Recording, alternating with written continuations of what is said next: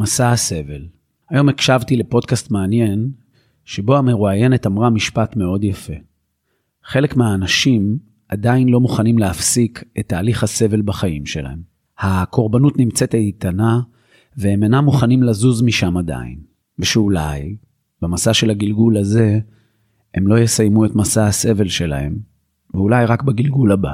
ואז היא תיארה שכל רגשות הקורבנות, כמו אשמה, ייסורים, כעס, אכזבה, חרדה, לחץ, מעלים את רמת האדרנלין בגוף. ופתאום הבנתי, פתאום קלטתי, שאנשים לא רק מכורים לסמים, לאלכוהול, לסקס, אלא מכורים לאדרנלין של הגוף.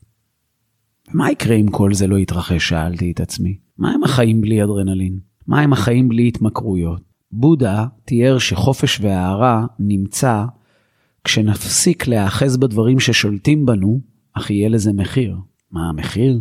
נצטרך להתמודד עם הדבר שממנו אנחנו חוששים יותר מכל. מה זה הדבר הזה? זה הקול הפנימי שלנו. אותו קול שכל הזמן מנסה לכרסם וליצור ספק שאפשר, ממש אפשר, ליהנות מהכאן ועכשיו. נועם חורב כתב להשביע את המפלצת, ואני רוצה להקריא לכם. במשך 30 שנה אימא שלי הייתה קמה ב-6 בבוקר והולכת לאותה עבודה. גם אבא שלי. התרחיש הזה נשמע לי לא הגיוני בעליל. למה שמישהו ירצה לעבוד 30 שנה באותו מקום? אותו עניין, אימא ואבא שלי נשואים כבר 42 שנה. אלוהים ישמור.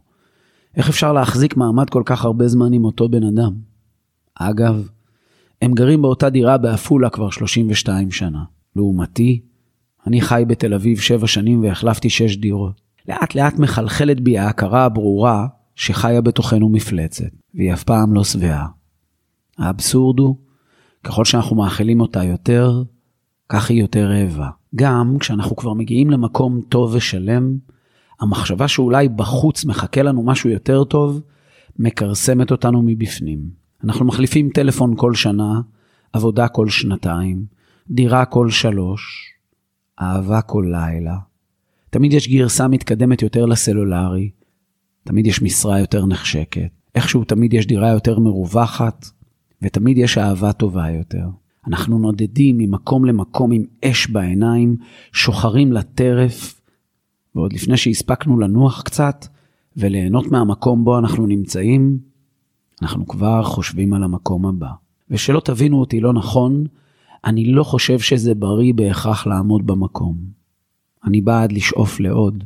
אני בעד שינויים, אני בעד להתקדם, אני בעד להתפתח. אבל אני מרגיש שהגבול בין שאפתנות לחזירות יטשטש לנו לגמרי. המפלצת שלנו כבר לא מסתפקת בריגושים בסיסיים.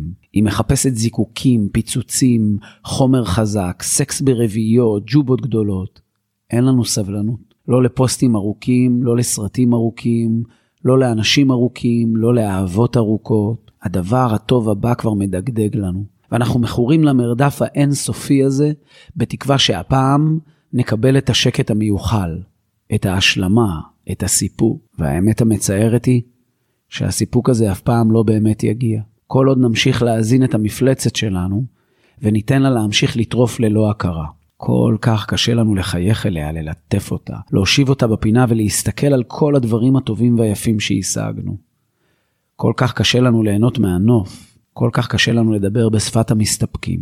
ואולי יום אחד נקבל החלטה חשובה בינינו לבין עצמנו. נסתכל על החיים שלנו ונצליח להגיד, וואלה, יש לי את הטלפון הכי טוב, את המשרה הכי טובה, את הדירה הכי טובה, את האהבה הכי טובה. אולי יום אחד נצליח להשביע את המפלצת שלנו, ואפילו לקרוא עד הסוף פוסטים ארוכים, ממש כמו הפוסט הזה.